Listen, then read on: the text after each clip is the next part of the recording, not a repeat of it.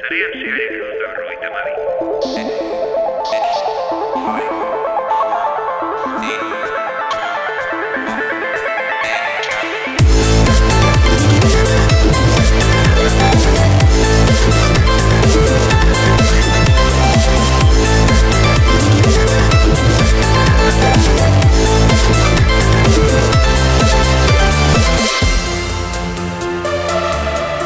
Berri teknologikoen artean denetarikoak topatzen e, ditugu batez ere momentu hauetan, ba bueno, orkespen gutxiago egiten direnak eta merkatua mm, orokorrean pizkat geldotxoago dagoenean, e, ba bueno, komunikabideek mm, berriek, berriak e, sortzen eta argitaratzen jarraitu behar e, dugu eta bueno, sortzen, e, idazten konkretuki. Eta e, kasu batzuetan, ba bueno, e, bitxikeriak e, sortzen sortzen dira. Asko titul asko eh, haien askok tituloren komentatzen ditugu baina beste batzuk daude eh, tituloren titulor izan al sirenak eh, egia izango ez, ez balirate adibidez eh, endesako blogean eh, bai, endesa eh, elektrizitateko konpainiaren blogean argitaratu dute ea eh, mm, eh, oskaioetan jartzen ditugun iman hoiek e, energia gehiago gastatzen duen duten edo ez. Eta konkretuki alaxe diote. Gezurra da, fregoaren atean jartzen ditugun apaingarri magnetikoek oskaio elektrizitate gehiago kontsumitzea behartzen dute aparatuen eremu elektronik, e, elektrikoaren indar elektromagnetikoa handitzean. Esan dakoa, e, e, esan bezala, e, gezurra da, mitonetan dena da faltzua pa, e, aipatzen dituen irkentetea zientifikoak barne eta iman horiek berak frigoan gordetzen duzun janariaren txat kaltegarriak izateko aukera. Izan ere, iman horiek eremu magnetikoak hain utxalak dira, hain txikiak dira, no, oskaio atea, oskaioko atea ez da ere, e, ez, ez dute atea ez da zeharkatzen. Orduan, ba, bueno, badakizue, e, zuen oskaioetan iman jartzen badituzue, ez du kontsumo elektrikoa gora egiten. Irratxa jo hau Creative Commons aitortu ez komertziala partekatu berdin lau nazioarteko lizentziarekin banatzen da. Horrek esan nahi du gure edukiak nahi beste partekatu ditzazkezula. Informazio gehiago nahi baduzu josareanzear.eus webgunera.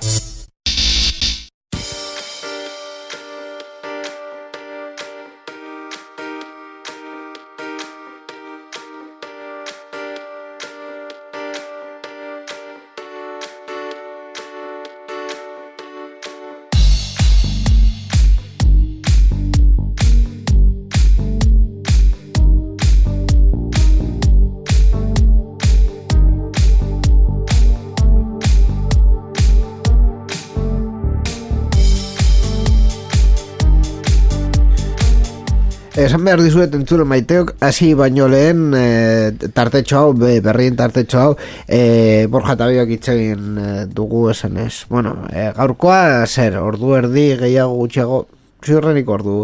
Ordu erdi, ordun aurrea etzen dizuet e, berrien atalau e, motxa izango dela. E, bueno, ez daukagunako es que, es que nola, pasa, nola pasatzen dugun Borja Arbosa? E, e, urtarrietik apiri arte esan ez es que aste honetan ere ez daukagu berri askorik. Hau tristura handia da Bueno, egia esan da inigo hau gure eh, egun guztietako ogia da, ez? E, horrela gaztelera esaten den bezala. Bai. Eta, bueno, programa bat eta beste bat eta urtero gainera gauza zikliko bat da teknologia azkenean aurkezpenak eta produkto berriak eta normalien berriak ez dira mm, aste guztietan emoten berrian diri gutxienez.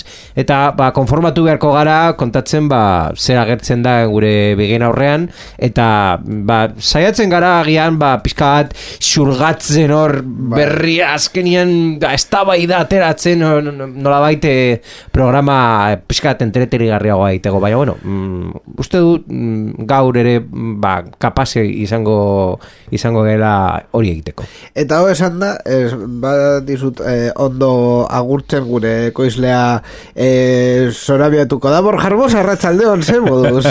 Arratsaldeon inigo. Ba bueno bueno, ai, esan, esan dugun bezala, ondo, dena ondo, ba, aur, aurkezpen ez oso mamitxoak, baina, bueno, kontatuko ditugu ez. Vale, ba, kontatuko dugu orduan Mobile World Congressaren movida, iruditzen zaizu? Azteko, bai, dela berri nagusiena. Bai, e, Europa telefonia eta teknologia azuka garrantzitsu denetako bat amaitu da, Bartzenonako Mobile World Congress 2000 eta hogeita iru azokak, e, laro gaita sortzi, mila eta bosteun pertsonekin itxi du 2000 eta hogeita iruko edizioaren.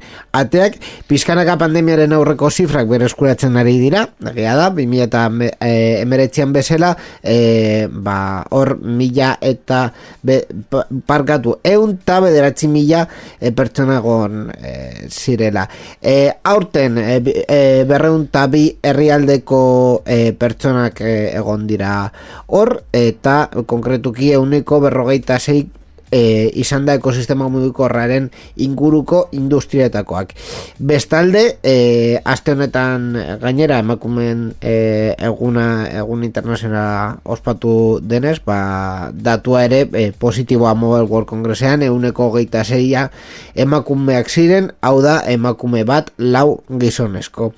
Hau, bueno, datua komentatuta, e, nahi baduzu nire e, berrikuntzen zerrenda e, e, irakurtzen dut, edo zurea. Hemen daukagulako bi zerrenda ezberdin, e, batean mugikorrak ez ditugu komentatzen, eta besteak basikoki mugikorrak sartu dituzu. A ver, es que hau da Mobile World Congress, es Technology World Congress. Bueno, pizkat eh, agian eh, hitza prostituzio bezala ja hartu dugu eta eskusa hart, hartu zaitzaki mugikorretan jarriz, eh, egia esan da, mm, ja mugikorrak baino gehiago mm, aurkeztuko dira. Zuk esan duzun bezala, uneko berrogeita masei, eh, hor, eh, ekosistema mugikorraren inguruko industrietakoak esan da, baina horrek Baina esan nahi du guztiak beste guztiak hau da Ia erdia ez da izan gehi- mugikorren bai, industrietakoak. Hori da, hori da, erdia baino gutxiago ez da, edo ez du zerikusirik, bueno, zerikusea, software, hardware, bai, bueno, azkenin, bai, e, teknologiaren arloan, baina ez dira mugikorrak. Ba, bai, a, a ber, aipatzerako adibidez, Xiaomi e, Cyber One izeneko robot humanoide bat aurkeztu du, baina egia da. Ba, bera mugi- mugitzen da, eta bateria dauka, baina e, telefono mugikor bat ez da.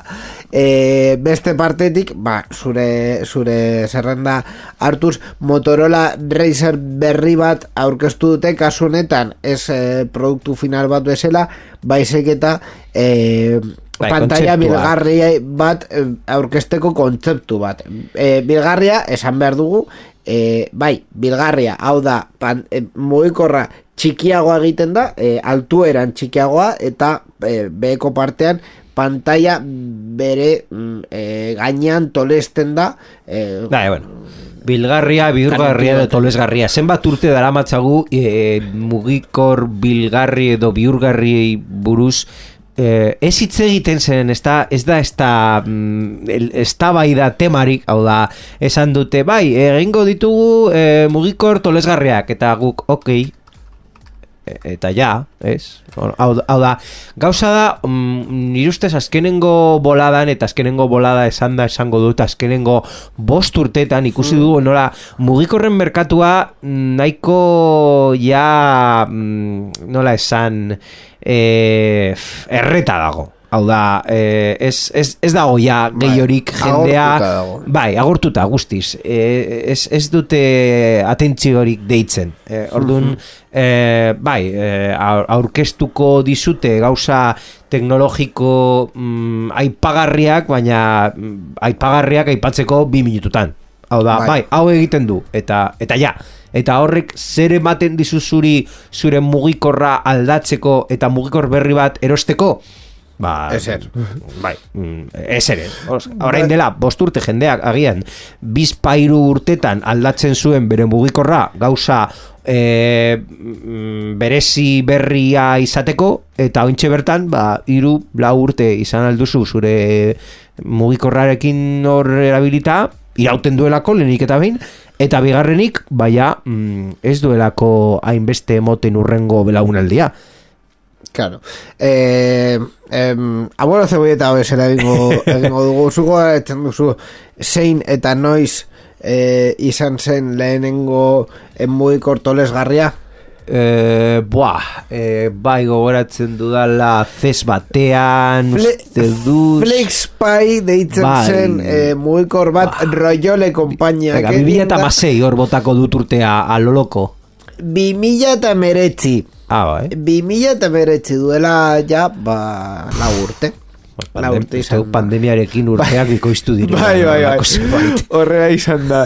Egunero, e, e, gauero boea irakurtzen, a ber. Bueno, a ver, que la urte, que la urte direla jadanik, Bai. baina ointxe bertan imaginatzen Bai, bai. duzu bia eta emeretzi eta ja ah, ez dakit. Non geratu da. Non geratu da. Eh. Ba, berrian komentatzen genuen bezala, 2000 eta meretzian izan zen e, Mobile World Congressaren errekorra, eta hortik ona, ba bai, e, igoera ikusi da, baina uste dut, mm, egia esan da ez dugula, e, e, ez dutela hobeto esan da, e, zenbaki horret, horietara e, elduko. Orduan, egia da, 2008tik ona e, mugikorren arloan pizkat e, bukle batean e, sartu gara. Beste adibide bat jartzearen OnePlus e, osteritkidoa erabiltzen duen e, mugikorra aurkeztu du. Teknologia ez dela mm, Baina, teknologia ez dela berria. berria, hau da, mm, a, gaming eda horrelako errendimendu altua erabiltzen dituzten ordenagailuak ostelikidoa erabiltzen dute, Claro. ba, hobeto funtzionatzeko. Hau da, Bai. mugikorronek izaten dute, eh, ostelikidoa jarri diogu, zu gaming bezala, eh, ko periferiko bat bezala erabiltzeko, zeren azkenean nork erabiltzen du mugikorra gaming moduan. Ba, hori. E, Jolasteko Angry Birds. Hor- Hori bai, 2000 eta mabian geratu dela. Claro, eta bueno, bai, gauzak egon dira, baina esan, esan dakoa, ez aipatzeko eta eta izenburu batean jartzeko ez dago ez, ez, ez dago ezer, orduan Ba, be, beitu, beste, beste urrengo mm, gauza bat konpontzeko da. Nokia, aur- be, berriro ere, Nokia oraindik existitzen den konpainia bat da. Eh, bai, bai, baina ez, gainera, eh, esan behar dizut, azken asteetan Nokia, eh, Finlandiako konpainia bere marka, al, bueno, bere itxura aldatu du, baina Nokia hau ez da Nokia hori. Nokia hau lizentzia dun marka da, uste dut, eh, de, direla TC, ez dakit HMD. Global. HMD Global. Hori. E, ba, hauek, marka, bueno, irudi zaharra erabiltzen dute, haiek ez direlako Nokia, lizentzia du- dun bat direlako, orduan. Bueno, bai, enpresa ez da existitzen, baina marka existitzen da, eta HMD Globalen eskuan dago. Bai. E, orduan, HM, HMD Global enpresa horrek eh, aurkeztu du iFixit enpresarekin eh, akordio bat eginda, Oh, oh. eh, konponketa kit bat atera dute, beren smartphone berria, Nokia Geo deitzen dena, eta beraiek saltzen duten bezala, ba, modelo hori oso erraz eh, konpondu alduzu, eta e, ba, bere zati guztiak, hau da bere pantalla, atzeko partea, bateria, oso erraz dira lortzeko, eta erremintak baita ere oso erraz lortu aldituzu zure etxean, eta gia, gida onlineko e, laguntzarekin baita ere, e, zu, zure kabuz konpondu eta zerbitzu teknikoarekin ez, ez duzu ezer eh, harremanetan jartu.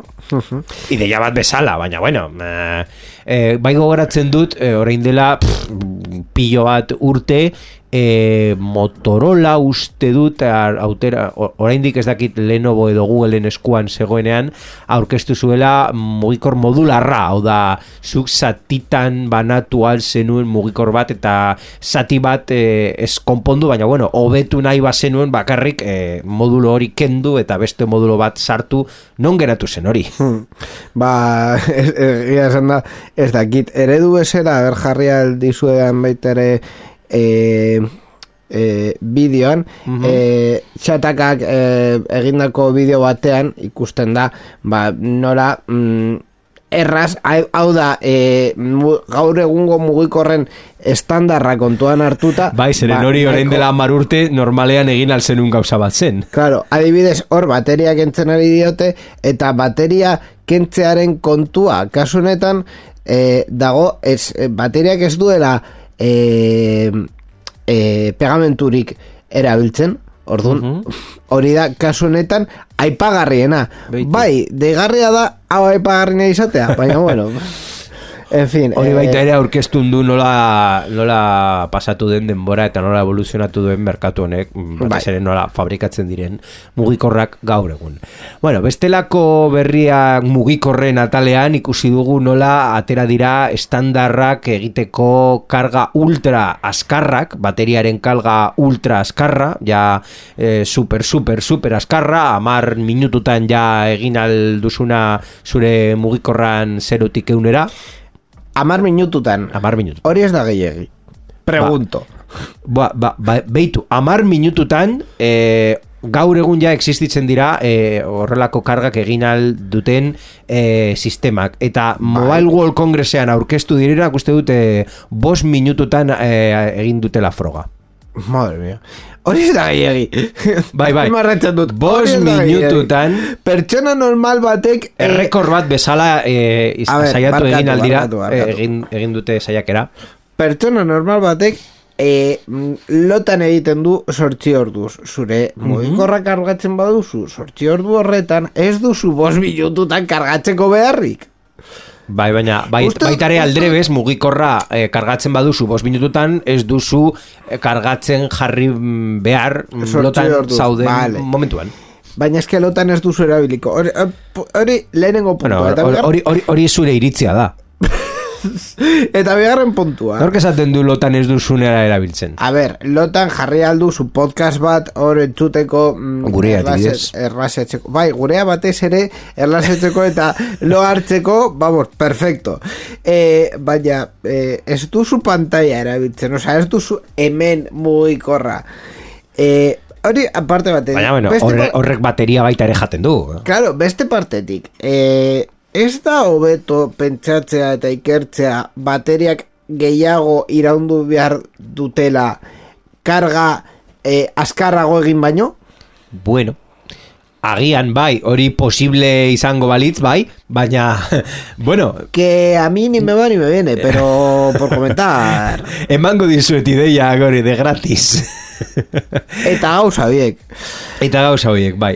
Eta, eta bueno, ja bestelako berriak mugikorrei buruz ja flagship eta horrelako super ultra mega guai diren e, mugikorrak, adibidez marka batzuk Honor edo, edo Xiaomi edo, edo bueno, aurkeztu dute eh, porroi euro kostatzen dituzten mugikorrak, e, procesadore hiperpotente bat, e, RAM e, e, sortxi eunda hogeita zei tartetxo dauzkatenak, giga barkatu, e, bueno, mm, nahi, nahi duzun guztia potentziaren arloan, baina erabilgarritasun azkenean berreun euroko betikoa. mugikorra ematen dizun bezalako zea izango da, a no ser que un pintxao. Ba betikoa, orduan.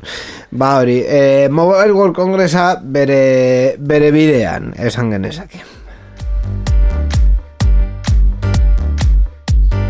Begira, honi buruz hitz egiten, e, Mobile World Congressean azkenean, azkenean, e, gai interesgarri bat e, agertu da, e, bueno, konkretuki telefonikak duela urte asko komentatu zuen gaia, e, ja beste operagailuen eta beste erakundeen e, laguntza edo e, daukana. E, konkretuki kontua da e, tel teknologiko handiek e, sareko azpigiturak ordaintzea e, nahi dutela telefonika eta kasu honetan ere beste operagailu batzuk. E, konkretuki, telekomunikazio operatoek eskatzen dute Google edo Netflix bezalako teknologi- teknologia konpainia handiek ere beharrezko azpiegiturak finantzatzea, horiek bai dira e, Google edo Netflix erabiltzaile nagusiak erabiltzaile nagusiak kakotxen artean. Bartzelonako Mobile World Congress e, ekitaldian, Jose Maria Álvarez Paiete, telefonikako presidenteak defendatu du munduko teknologia handiek bidezko ekarpena egin behar dutela sareetako inbertsio garrantzitsu hoietan. Konpainia horiek baitira interneten trafiko gehien sortzen dutenak. Hori bai, e, egia da. Hildo beretik ere, e, te, telefonika ja ez dagoelako bakarrik, hildo beretik ere mintzatu du e, Kristel Heiderman, orantxeko sailburua mundu mailan eta Europako agintariei eskatu die buka daitezela egungo araudiak dakatz- dakartzan eskakizun kontra esan korrak eta behartu ditzatela teknologikoak behar diren inbertsioak ordaintzera.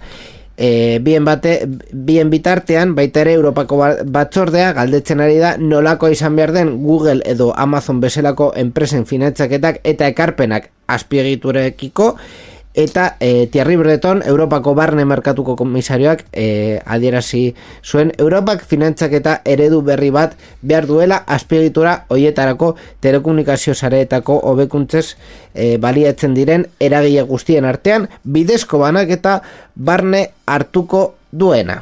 Hau da, azkenean, amar urte baino gehiagoz, eta amar urte baino gehiago izan dira, hau 2000 eta marrean, Cesar Alierta, eh, telefonikako presidente mitikoak, hasi zen, eh, gai honekin, amar urte baino gehiago pasa dira, eta azkenean telefonikak kasu egirte egitea lortuko du. Ez da dola, baina lortuko Bai, du. bai, zeren momentuz bakarrik hitzak dira. Hau Bai. da, e, Mobile World Congress e, ekitaldi batean agertu da e, telefonikako presidenteak esan ez, e, gu hemen gaude mm, azpiegiturak finantziatzen ditugu eta hori ez da guztiz... bidezkoa haientzat, horiek esaten Bai, horrela, bai, mm, ba, bueno, mm, oso ondo, baina mm, horrek ez du esan nahi araudi bat lortuko dutela oraindik. Claro, kontua da, eh, orain, Eta ze motatako araudia? Osa, lehenik eta behin, zeintzuk dira azpiegitura horiek? Ze, zer buruz hitz egiten ari gara? Kableak eta eta sareko ekipamendua basikoki. Zein da kontua? Bada, zuntza... Zuntzaren despliegea? Zuntzaren despliega baina ez etxekoa. Hau da, normalean, e, operagailuek ulertzen dute e, zentraletatik e, bezeroen etxeetara doazten kableak haien kontua dela, azkenean, e, hoiekin egiten dutelako negozioa eta ekartzen dutelako bezeroak. Eta kobratzen dizute. Baina kexa da e, interneteko beste puntuekin e, konektatzeko e, azpiegitura hori e, ba, e, topatzen dutela e, aktore berdinak.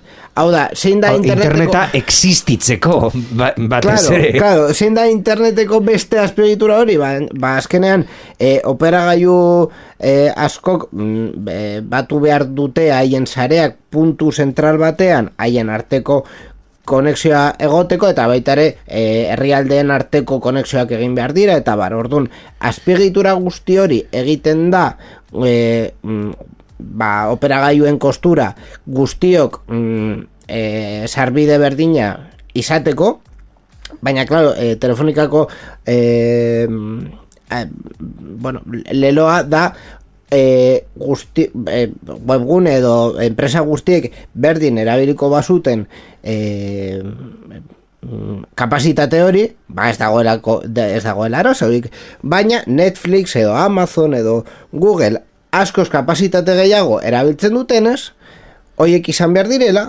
e, azpiegitura hori hoiek e, ordaindu behar dituztenak. Zergatik Google, Amazon edo Netflix, ba batez ere bideoaren kontuan sartuta daudela. Baina beraiek baita ere finantzatzen dute beraien azpiegiturak, hau da zerbitzari oso potoloak ordaindu behar dituzte beren edukia hor eh, egoteko... Bai, baina haiek finantzatzen dute, haien zerbitzariak normalean ere alokatzen dituzte beste herrialdeetan zerbitzari batzuek, baina e, finantzatzen dute e, bere zerbitzaritik puntu zentraletara dijoazten e, azpiegiturak. Eta horre kable azpie- interkontinentala behar ditu?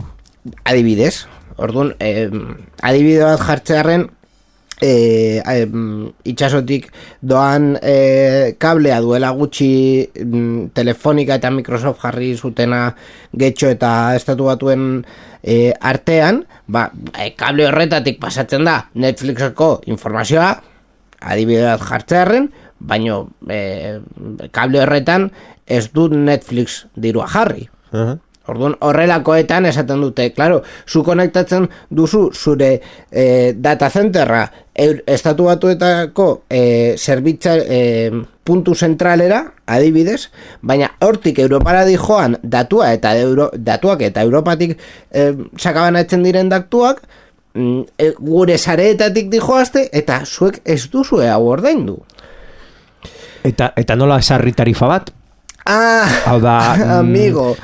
Claro, No, es no, que... nola, hau da, mm, imaginatu, mm, ni bakarrik imaginatzen dut eh, sistema similar bat, eh, elektrizitatearekin adibidez. Hau da, elektrizitatea edo gasa, edo bueno, nahi duzun zerbitzu hornitzaileek eh, hor daukaten azpiegiturak, eta eh, kilobati orduko mm, potentzia bat eh, jarrita, en, zenbat energia kontsumitzen duen eh, neurritzaile daukate hor eh, jartzeko eta presio bat, hau da, zenbat kilobati ordu pasatzen den hortik, mm, hor zure tarifa edo zure presioa. Uste dut niretzat eredu eh, oberena izango litzateke Pero bueno, zure mugikorran daukasun data que, datuak barkatu eh, baita ere presio bat jartzen dute ez dakit Claro. zenbat giga hilabetero eta Claro, ordaintzen baina- duzu tarifa en- laua. energia eta konkretuki elektrizitatea eh, sortzen da, sortzen da, bueno, sarera botatzen da eta saretik kentzen da. Eh, datuen kasuan mm, ez da hainbeste horrela. Eh, Claro, eh, kontua, o sea, azkenean energia, energiaren kontuan argi dago zu eh, daukazu kontsumitzaile bat, kontsumitzaileak ordaindu behar eh, duela bere Kontsumo? bere kontsumo eta kontsumo hori e, e, bueno, biltzen da e, saku oso potolo batean eta hortik banatzen da sortu dituzten e, energia elektrizitatea sortu dituzten enpresei. Orduan, horretan argi dago nor sortu duen eta nor kontsumitu duen eta gainera e, beti mm, banaketa hori bat bat izan behar da. Osea, gure elektrizitate sisteman sortzen den, une oro sortzen den elektrizitate kopuru guztia kontsumitzen da, segunduro gainera. Orduan, horretan ez dago e, arazorik. Uste dut, eredua izango ditzatekela adibidez, trenekin. Zu, azpiegitura bat jarri duzu, azpiegitura hori ez badu inork erabiltzen, ez da erabiltzen. Hor- Ez du inork ordaintzen. Hor dago, ez, e, ez du inork ordaintzen. Bueno, e, ordaintzen du, azpiegitura hori jarri duena. Bai, baina bueno, eh, az, jabeari ez dio inori ordaintzen, Claro, eh, inork ordaintzen. Baina linea horretan eh, Renfe tren bat jarri nahi badu, oda, linea horretatik Renfe tren, pasat, tren bat pasatzea nahi badu, Mhm. Renfe bere kanona ere, e, e, ordaindu behar dio. Eta gero... E, Baina, kanon finkoa ez da importa zenbat tren jarri, hau da linea bakoitzeko kanon finkoa, edo depende zenbat tren pasatzen diren kanon eh, hor eh, neurri, neurria jarrita, Kasu honetan, ni hainbat galdera dauzkat. Hori egin nahi badute. Zein da presioa? Zein da neurria? Eta gero, badakigu, mm, denok dakiguna. Hau da, presio hori jartzen badiozu operagailoei, operagailoei mm, jarriko diote presio hori bezeroei. Azkenengo bezeroei. Claro. Eta mm, gauza, eh, en- baita ere, justizia bezala hartuta, berdina ordaindu beharko dugu guztiok, hau da, egun guztia Netflix ikusten pasatzen den pertsona batek ordaindu beharko du berdina. Beste pertsona bat adibidez ikusten duela mm, larun batetan eta igandetan eta bizpa hiru ordu. Claro, batek Orduan- mm, ez orduan- zenbat giga kontsumitu ditu eta besteak adibidez mm, bi edo hiru. Claro, orduan, eh, Nola- interneteko bideoan pasatu gara ze- ze- ze melodi. pay, pay per view sistema batera zenbat e, e, e, ikusten duzun ala e, ordainduko duzu e, mm, kapasitate hori ordaintzeko eta claro, azkenean ez da berdina e, Netflixek jartzen duena e, sarean e, gu adibidez jartzen duguna sarean e, konparatuta. Osea, gu ere ordaindu behar dugu ez dakit nori konkretuki e, suposatzen dut mm, estatuko organismo mm, bati gu edukiak dauzkagulako interneten eta pertsonak daudelako ez burrada bat, baina pertsonak badaude, e, gure edukiak e, geisten dituztenak, zenbat sare kapasitate da hori, eta nori jarriko diozu, e, non jartzen duzu lerroa. bai, hori da. E, terabaitetan, gigabaitetan, denboran, e, zerbitzari kopuruan, mm, ez, ez, E- edo zerga bat, zerga bat jarri eta mm, konpainia Big Tech hauek diru asko daukatenez, ba, venga, beste beste sablazo bat. Ja. Hala, nik ez du defendatuko enpresa handiak, baina baita ere justizia pizka bat jarrita, hau da, erabiltzeagatik aitzakia bada, guztiok erabiltzen dugu. Claro. Gutxi edo edo asko. Claro. Eh, ni eh, eh, pertsonalki uste dut eh, telefonika kasu honetan ez daukala eh, arrazoirik. Azkenean eh, be- sarearen erabiltza, erabileraren igoera ez da bakarrik eh, Netflix edo Googleen kontua izan. Izan da eh, aurrerapen teknologiko bat arlo guztietan eta egia da gaur egun e, duela hamar urteko webguneekin konparatuta gaur eguneko webguneak askoz gehiago pisatzen dute, baina ez da Google gure atzetik joan delako esan ez, e, e, e, guzure webgunea askoz gehiago pisatu behar du. Izan da industriaren orokorrean aldaketa bat. Orduan, e, aldaketa hori enpresa handiek bakarrik e, ordaindu behar dute, e, ba, ziurrenik ez. Enpresa handiek ordaintzen badute ere, e, eskatu behar dugulako enpresa txikiei ordaintzea, eta enpresa txikiek ezin dute ordaindu.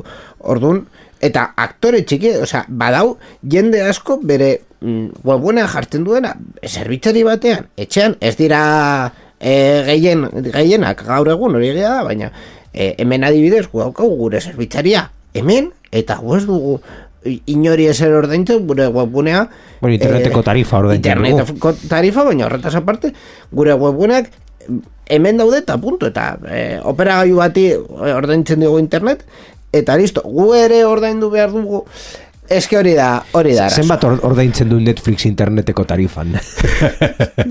Ez da, et, haiek tarifa laua daukate.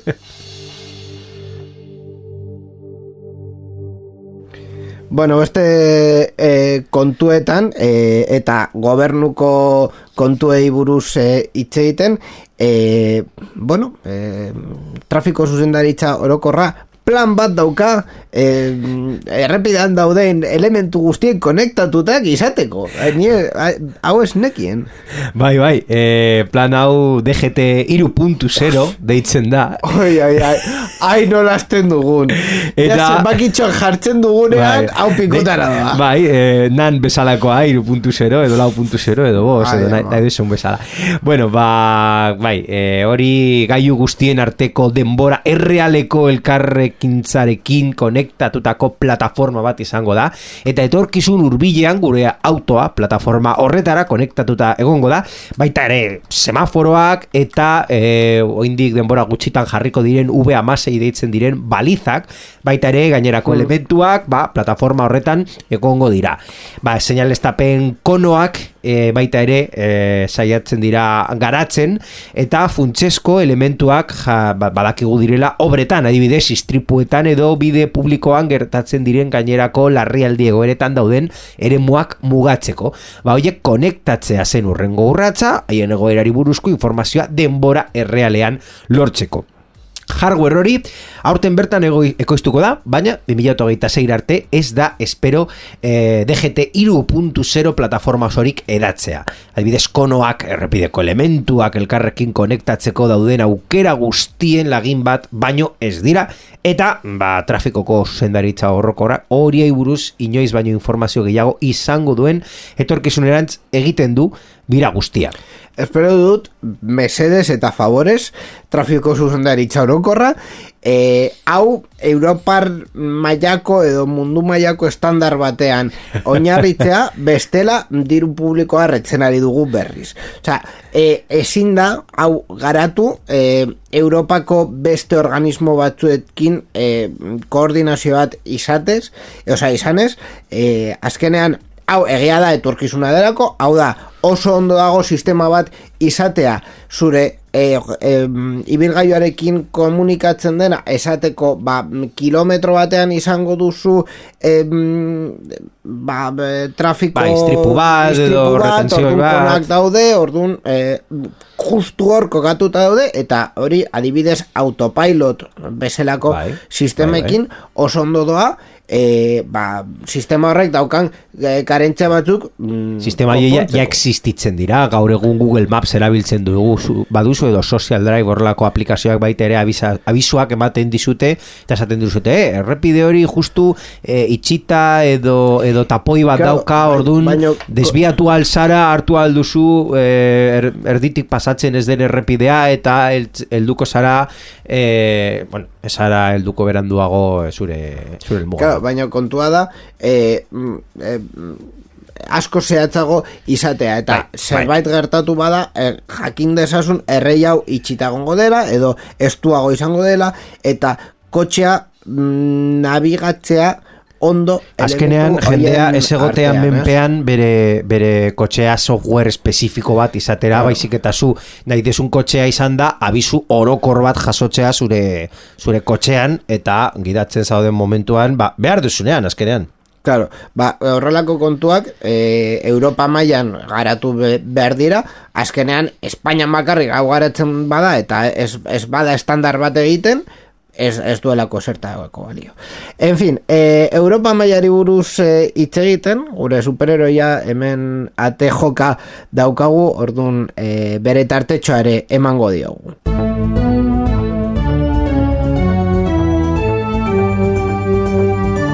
Europar batasunaren berria. Sarean zehar. Eta Europar Batasunaren berrian kontatu behar dugu e, Meta Europar Batasunarekin adostu duela WhatsAppen erabiltzailei eskubide gehiago ematea konkretuki iaskurtarriera sartu zen e, jokoan Europako batzordea WhatsApp bidez egindako e, jardunbide desleiaren aurrean eta horrela erabiltzaileen datuak nola erabiltzen dien asaltzea behartu zuen txateko apa Gogoratzen duzu, ez? E, az, e, Bai. WhatsApp sartzerakoan agertzen zen mezu oso handi bat, esan ez, gure baldintza aldatu ditugu eta e, jabete batean edo txailean edo martxoan eman behar zenuen e, onura Bai. WhatsApp e, erabiltzen jarraitzeko. Claro. Gero ja, e, polemika mm, egin zenean, ba, hasi ziren esaten, bueno, ez, ez da esango, ez da izango derrigorrezkoa, mm, bai, e, ona izango da on, zure WhatsAppeko aplikazioa hobeto funtzionatzeko, baina ez mm, baduzu nahi emon, ba, ez di, ez, ez duzu behar. Bai. Claro, azkenean hori izan zen e, kiteko hau, hau da, e, ba- batean e, mm, baldintzen aldaketa hori sortu zenean, baita ere sortu zen e, ba, WhatsApp gure datuekin mm, gauza nahiko txarrak egiten ari e, zuela. E, Bueno, azkenean Europako batzordearekin eta Europako batasuneko kontsumitzailea babesteko erregulatzaileekin hainbat bilera egin ondoren WhatsApp metaren eh, jabeskoa denez, errazagoa izango da zerbitzu baldintzen eguneratzeak baztertzea. Hau da, zu esetz esan alko diozu egun, eh, baldintzen eguneratze hori eta zure baldintzak suposatzen da berdin mantenduko direlak. Erabiltzaileak zerbitzu termino berriak baztertzen baditu, metaren jabetzako markak azalduko du e, termino hoiei uko egiteak mugatu egingo duela zenbait zerbitzuen erabilera. Alaber, eguneratze hoiei buruzko jakinarazperak baztertu ahal izango dira, berrikuspena e, atzeratzeko. Hau da, zu, esetz esan aldiozu, baita esan aldiozu, no me des el murgo, Turrazo. mesedes, e, utxira zazuakean. E, eta suposatzen da, ba, bueno, ezaugarri berriak ez dituzu erabili alko, baina zerbitzua berdin jarraituko duela, edo horrek esaten du e, teorika, teoriak eta berri honetan topatu dugun informazioa. Ba bueno, beste kudeak eta bikain bat egi, gure superheroiak egiten duena, ez? Eskerrik asko eh, Europar batasuna. Bai, horrela, horrela da. Eta hau guztia komentatuta, baina geratzen zaigu ataltxo bat, gure berrien atala, dela beti bezala, titulol. Titulol.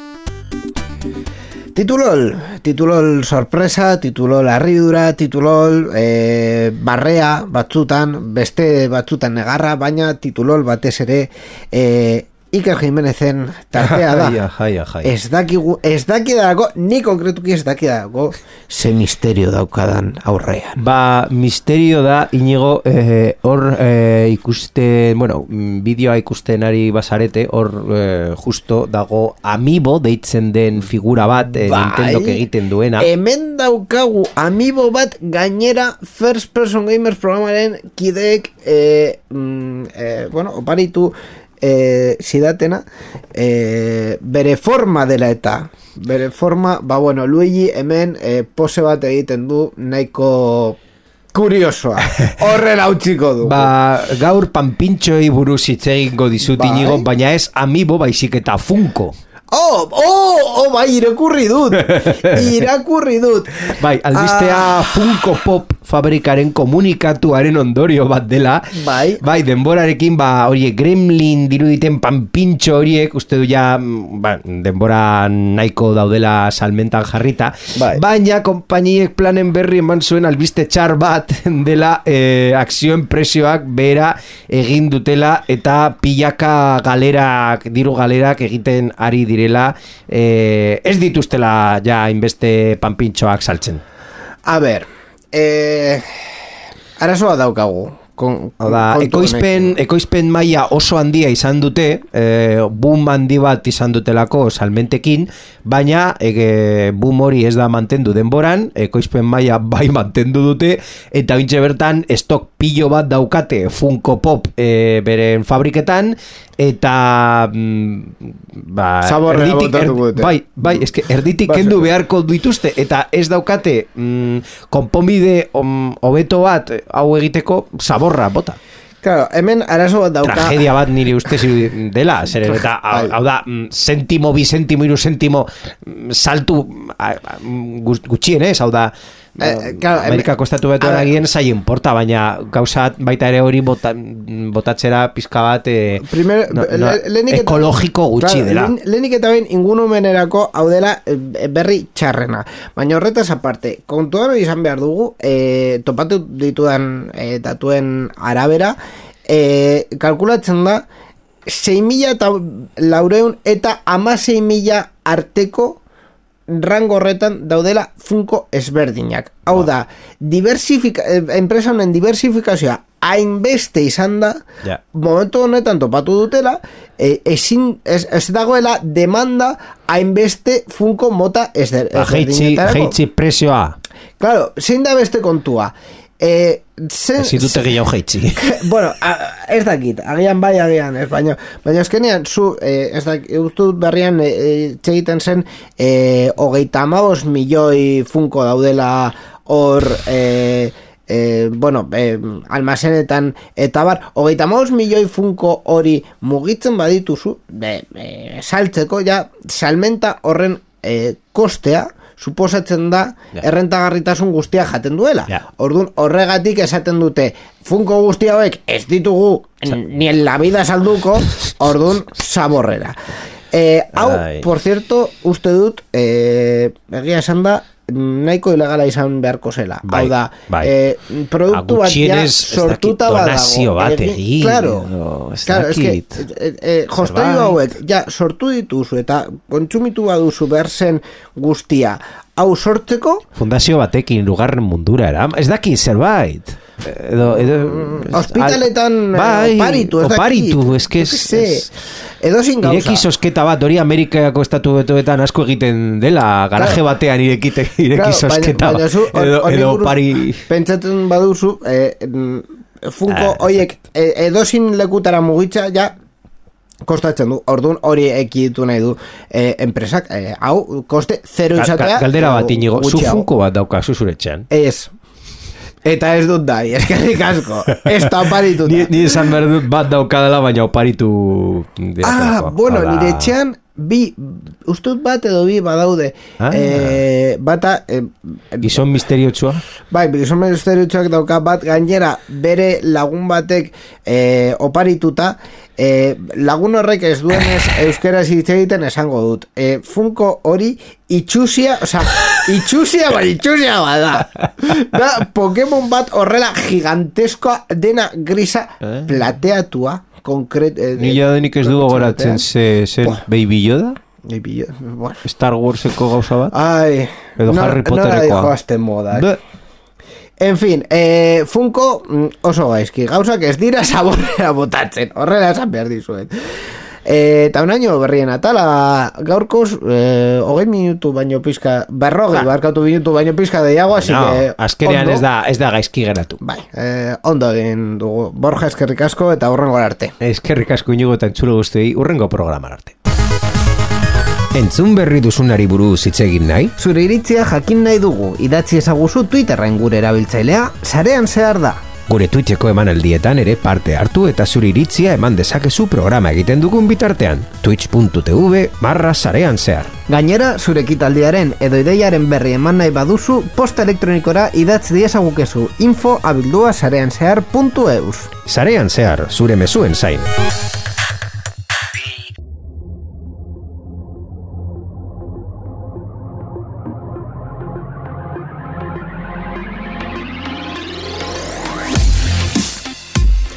Ba, noin orduan zarean zehar irureun berroita amabi. Hau, e, bukatu baino lehen, beste gauzatxo bat komentatu nahi dizuet, Euskal Pod, Euskal Podcasting jaurdunaldiak bueltan daude 2000 eta hogeita iru honetan, e, pandemia baino lehen 2000 eta mesortzi eta 2000 eta meretzi e, edizioak egin genituen eta e, bueno, aurten aprobetsatu dugu e, ekitaldia e, berreskuratzeko. Kasu honetan e, Bilbon, Bilborroken izango da urrengo apirilaren amabostean eta e, aurten bai zuen laguntza ekonomikoa behar dugu ekitaldia. Aurrera eramateko crowdfunding bat e, montatu dugu e, Euskal Pod e, egiten dugun e, eki, bueno, e, elkarteek e, konfundila daukazue euskalpod.eus webgunean eta e, bueno, e, hor daukazue ere e, ba, bueno, e, merchandising artikulu batzuk zuen e, aportazioa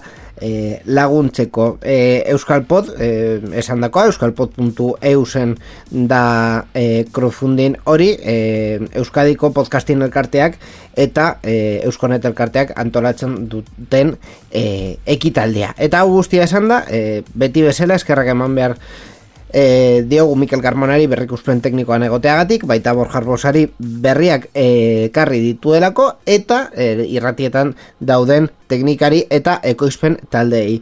E, beti bezala, bi aste barru, e, ba, teknologia gehiago eta teknologiari buruzko e, zea- zehazki ez diren gauzak ere, adibidez euskaioi buruz hitz dugu, baina hori guztia, ba, esan, da, esan bezala, bi aste barru izango da, e, hori heltzen den arte, ba, eskerrik asko, eta horrengo arte, aio!